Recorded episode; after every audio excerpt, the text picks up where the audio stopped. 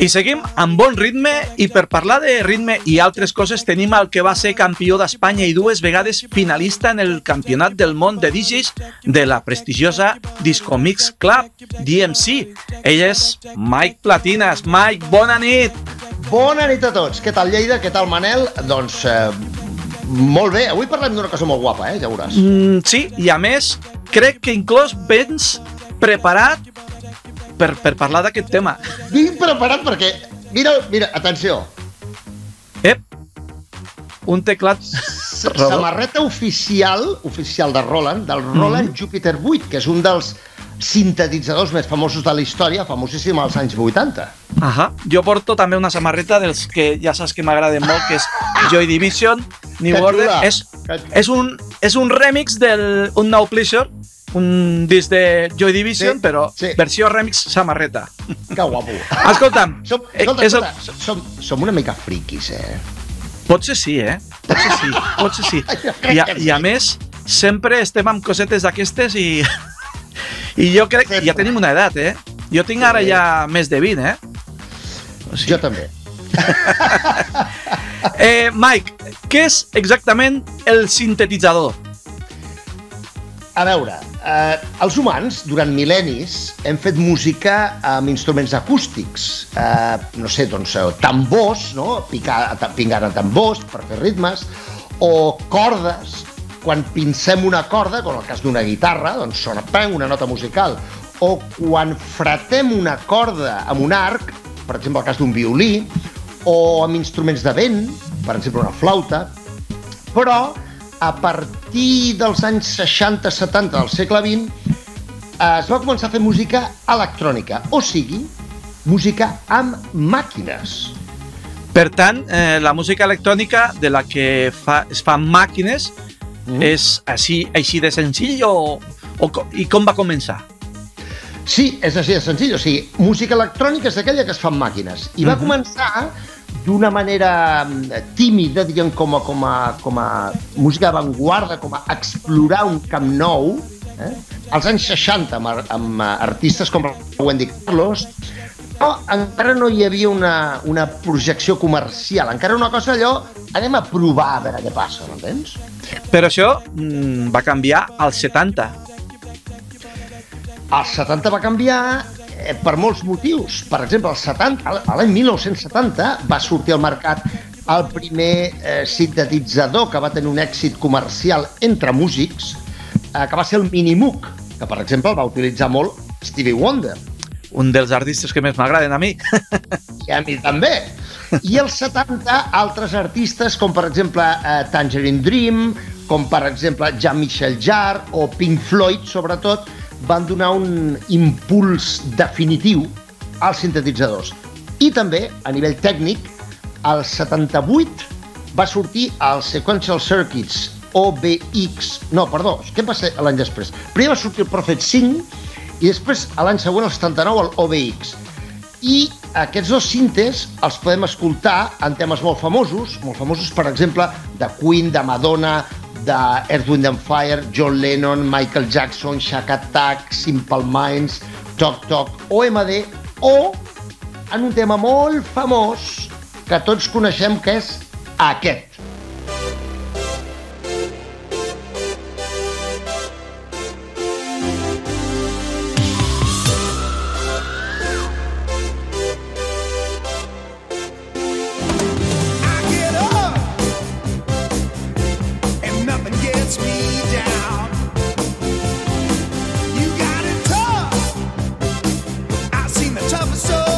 Efectivament, el famós Jump de Van Halen, que va ser el primer gran èxit rock que, en comptes d'utilitzar una guitarra distorsionada, com és típic del rock, utilitzava un sintetitzador pel so principal.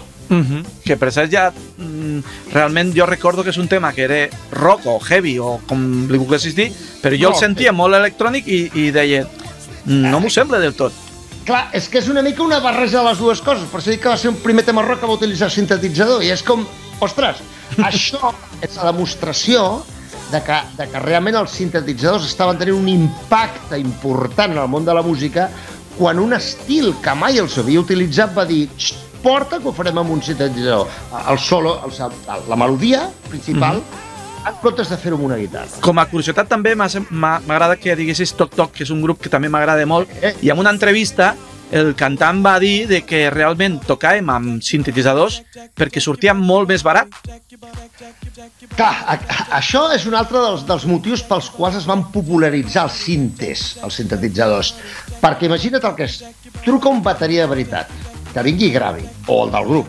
Mm -hmm. Truca un de veritat, que vingui gravi. Truca eh, una secció de, de 15 o 20 violins i que vinguin a tocar de veritat, etc etc etc. Clar, hi ha cançons que necessitarien llogar, fer venir a l'estudi 15-20 músics, fes la partitura per cadascun d'ells, dones la partitura, que toquin, torna a tocar, que no cada vegada repetim. Imagina quin follon. Doncs imagina't, això mateix ho fes amb un sintetitzador i acabaves abans, i més, més barat. I als 80 mm, va ser el boom dels cintes digitals. Sí, perquè el, el 1983 va sortir el sintetitzador digital més famós de la història, que és el Yamaha TX7.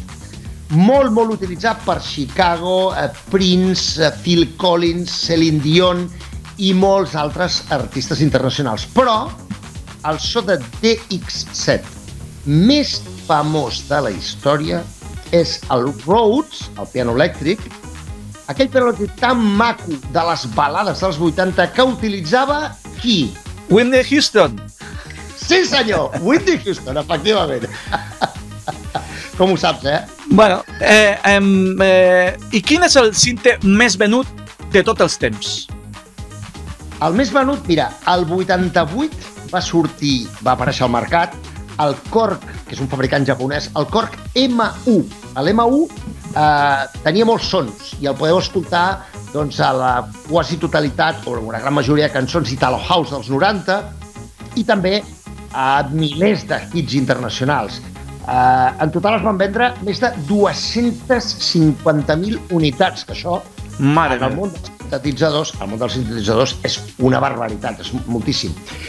I el podem escoltar, sobretot, per exemple, per dir un tema que tots coneixem, a la majoria dels sons de la cançó Vogue de Madonna. Uh -huh. Home, eh, i sabem, sabem el preu, per curiositat, sabem el preu que tenia un, aquest sintetitzador? jo recordar que s'anava sobre les 350.000 pessetes de l'època. Crec recordar. Eh, són diners, però clar, com dèiem Home. abans, no és com una orquestra. Clar, és pasta, però... M'entens? Es pot arribar a pagar. I eh, avui en dia els sintetitzadors són essencials per la música. Què et sembla? Sí, són... Mira, uh, hi ha molts estils de, de música que estan definits o uh, tenen com a part de la seva personalitat un instrument determinat. Per exemple, no? Uh, no podem pensar en la big, música big band sense instruments de vent, sense trompetes, eh, eh, trombon de vares, eh, en fi, etc. no? no Mhm. Clar, forma part de la seva personalitat. No podem imaginar el rockabilly o el boogie-woogie sense un piano, no? Mhm. eh, no podem imaginar el jazz sense un contrabaix. Eh? Clar, eh, no podem pensar doncs, en la música rock sense una guitarra elèctrica distorsionada, Clar. excepte si és el jazz de Van Halen, evidentment. Però, eh, en el cas de la música electrònica i del pop, a partir dels 80 principalment fins avui en dia, no ens ho podem imaginar sense sintetitzadors. Formen part essencial del caràcter i la personalitat de la gran majoria de la música actual. I això continuarà endavant molt de temps. I no hem parlat de diverses cosetes, perquè, eh, perquè, perquè es podria, tot això es podria ampliar moltíssim. Per parlar de l'Italo Dance, de que Oh. tota la música Italo Dance té molt a veure, per parlar de, de, de quan han barrejat un instrument amb un sintetitzador, Sí. per això ja ho parlaríem un altre dia. Sí, Podríem parlar del synth disco, del tecno alemany, és que és inacabable, no? Però avui ha estat una mica, com sempre, una introducció perquè ens situem tots i, i augmentem el nostre nivell de culturilla musical i, i tècnica, no? i suposo que algun dia parlarem una mica més de Kraftwerk, també, que té Oi, molt a veure. Seguríssim, segur. Però fes-nos un resum ràpid eh, del tema d'avui. Doncs mira, resum d'avui. durant mil·lennis els humans hem fet música acústica, amb instruments acústics. A partir del segle XX també fem música amb màquines, o sigui, instruments electrònics, o sigui, amb sintetitzadors. I els sintetitzadors formen part essencial de la música electrònica i de la cultura pop des dels 80 fins avui i ho seguiran sent. Doncs perfecte, Mike, com sempre, impressionant, eh, aprenem molt, és super distret, eh, ja t'he dit que, que... Escolta una cosa, si els que ho esteu veient teniu idees o temes eh, que tenen a veure amb música que us agradaria que tractéssim en aquesta secció, eh, envieu un e-mail a... info arroba djsdelleida.com Exacte, envieu... Escolta, m'agradaria que parlés sobre tal... I ho farem. Doncs perfecte, Mike, gràcies, moltíssimes gràcies i ens trobem una altra vegada la setmana vinent aquí. Molt bé, Manel. Manel, abraçada a Manel, abraçada a Diari i abraçada a tots els que ho esteu veient, des de Barcelona. Adéu, macos. Adeu, adeu.